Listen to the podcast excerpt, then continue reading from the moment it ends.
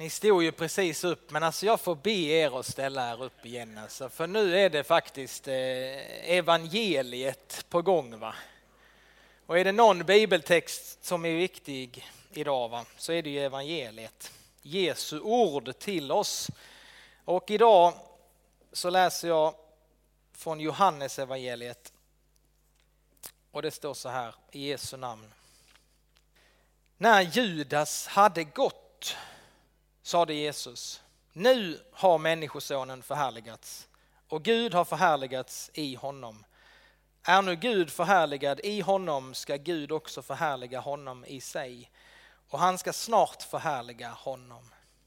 Ännu en kort tid är jag hos er, mina barn. Ni kommer att söka efter mig och jag säger nu till er vad jag sade till judarna, dit jag går kan ni inte komma. Ett nytt bud ger jag er, att ni ska älska varandra. Så som jag har älskat er ska också ni älska varandra.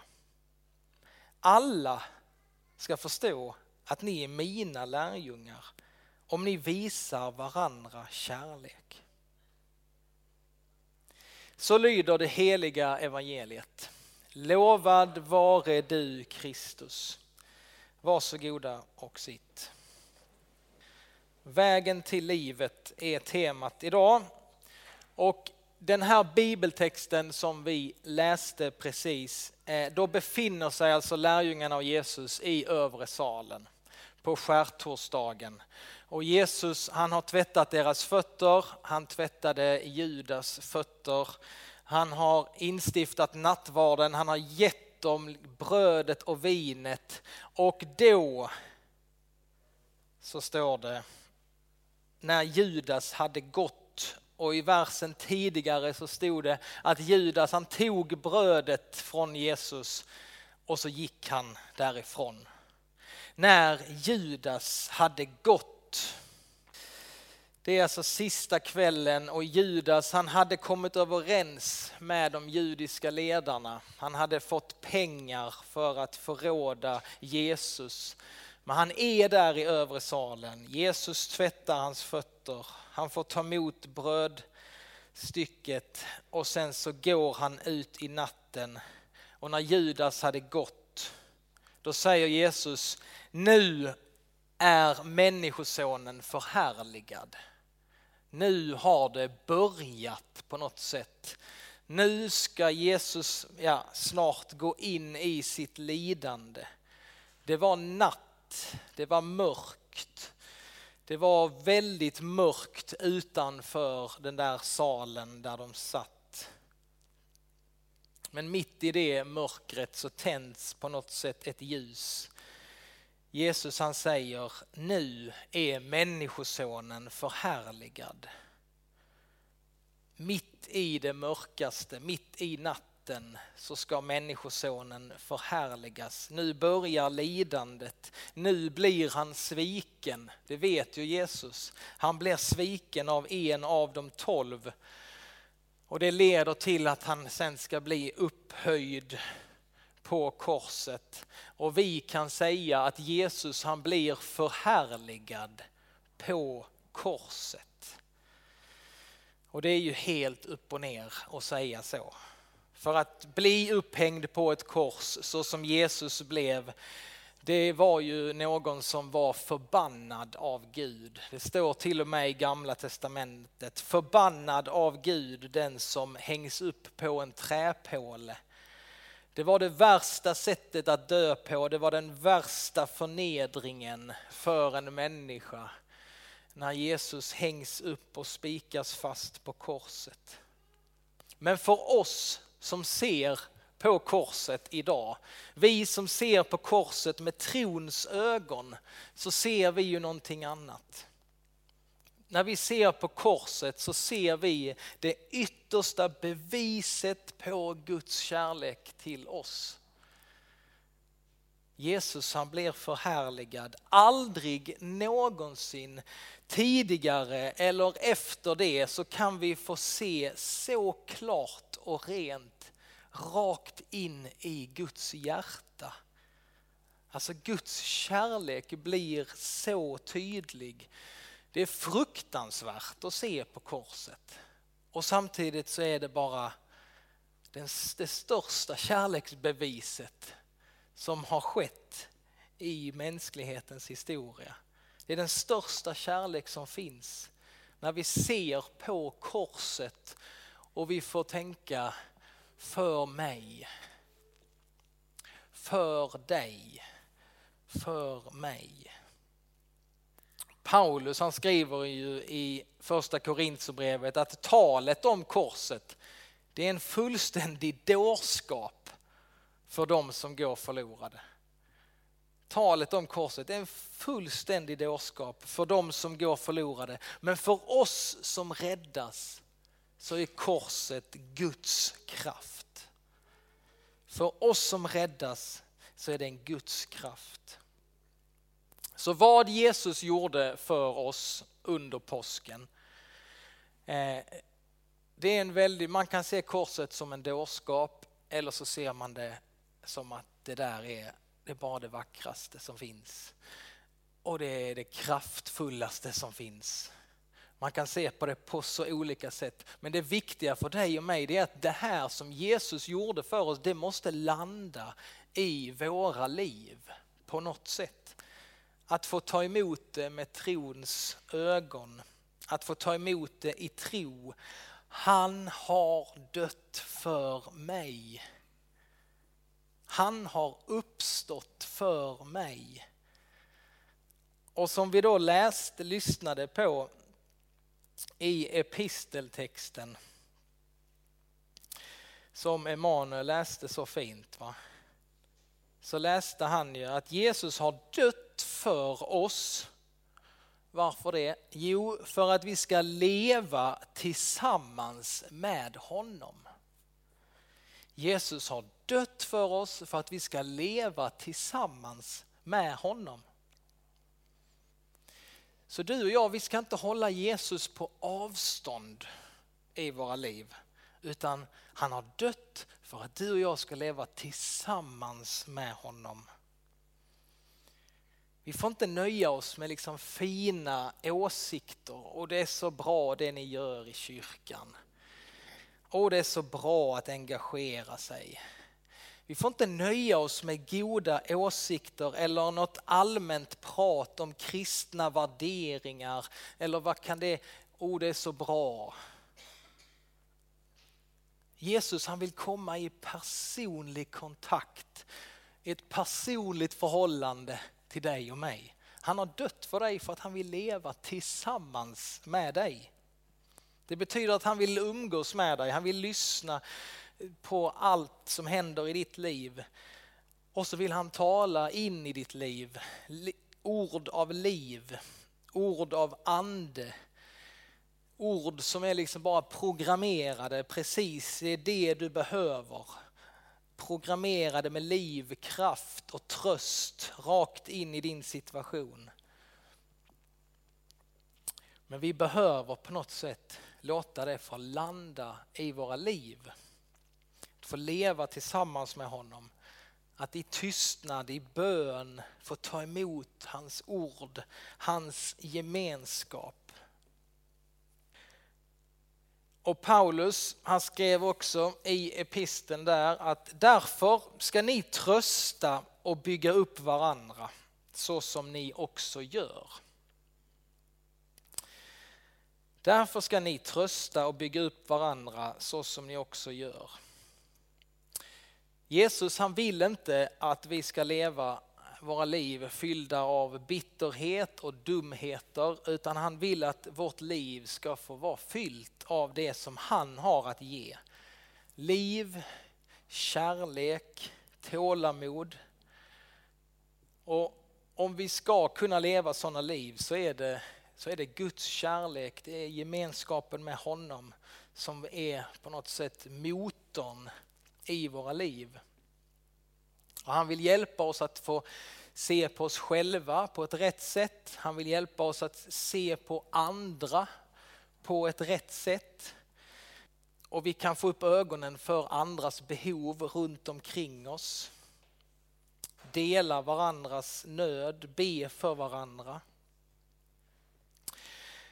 Men om du har varit med här i den här församlingen ett tag så kanske du har märkt alltså att det, det är inte säkert att du alltid kommer gilla alla människor som är här i den här församlingen. Alltså jag skulle säga att en del av oss är faktiskt rätt svåra att orka med. Va? Vem menar han nu? Vad säger han? Nej, men det är ju så i alla mänskliga gemenskaper som samlas på olika sätt så är det ju, det blir lite svårt ibland. Du kan inte gilla alla människor. Du kan inte gilla alla här i den här församlingen. Och då är det så himla skönt att Jesus sa inte ni ska gilla varandra alla här. Oh, vad skönt, han sa inte det. Jag behöver inte gilla alla. Vad sa han då? Jo, ni ska älska varandra. Han sa inte bara det, utan han har till och med befallt det. Och nu gäller det oss alltså som är hans församling. Och vi som säger att vi följer Jesus och vi vill leva med honom, tillsammans med honom. Då säger han, detta befaller jag er. Ni behöver inte gilla varandra va? Men ni ska älska varandra. Detta befaller jag er. Ni ska älska varandra. Det är rätt stor skillnad ändå. Ni behöver inte liksom gilla varandra, men ni ska älska varandra. Eh, alltså har du svårt för någon här i församlingen, ja då ska du älska den personen ändå. Vad gör man då? Jo, men någon person som man har svårt för, för då, då börjar man att be för den människan.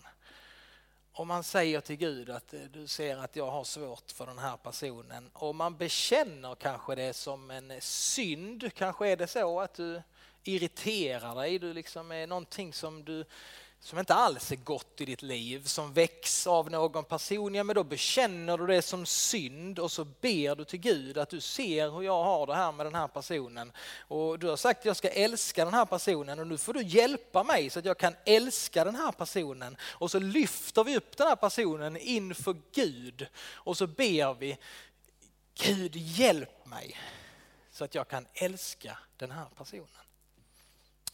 Och det funkar.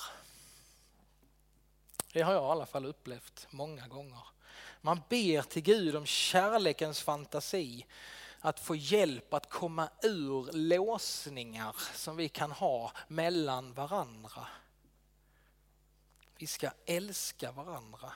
Och modellen liksom för vår kärlek det är så som Jesus, så som jag har älskat er, så ska ni älska varandra.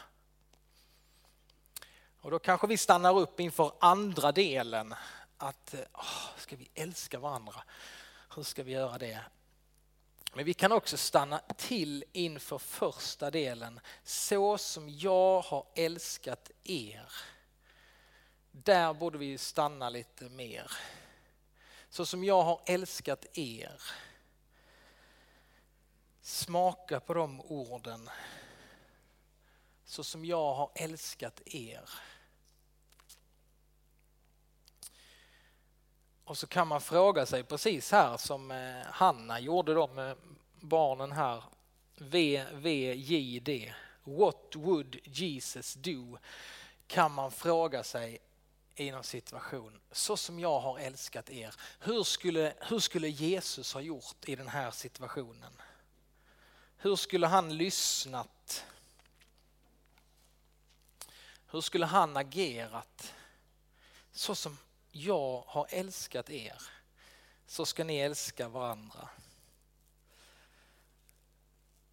Och när vi jobbar med det här, när vi liksom tar tag i de här grejerna så, så tror jag att du och jag vi kommer uppleva att någonting händer inom oss. Vi får hjälp av Jesus att förstå varandra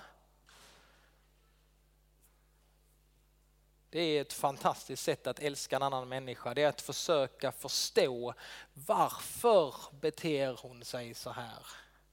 Jag kan inte veta, men det kanske är någonting som jag inte vet. Troligtvis är det så. Hur kan vi förstå varandra? Vi kan få se varandra, lyssna till varandra. Vi kan få vara närvarande i varandras liv.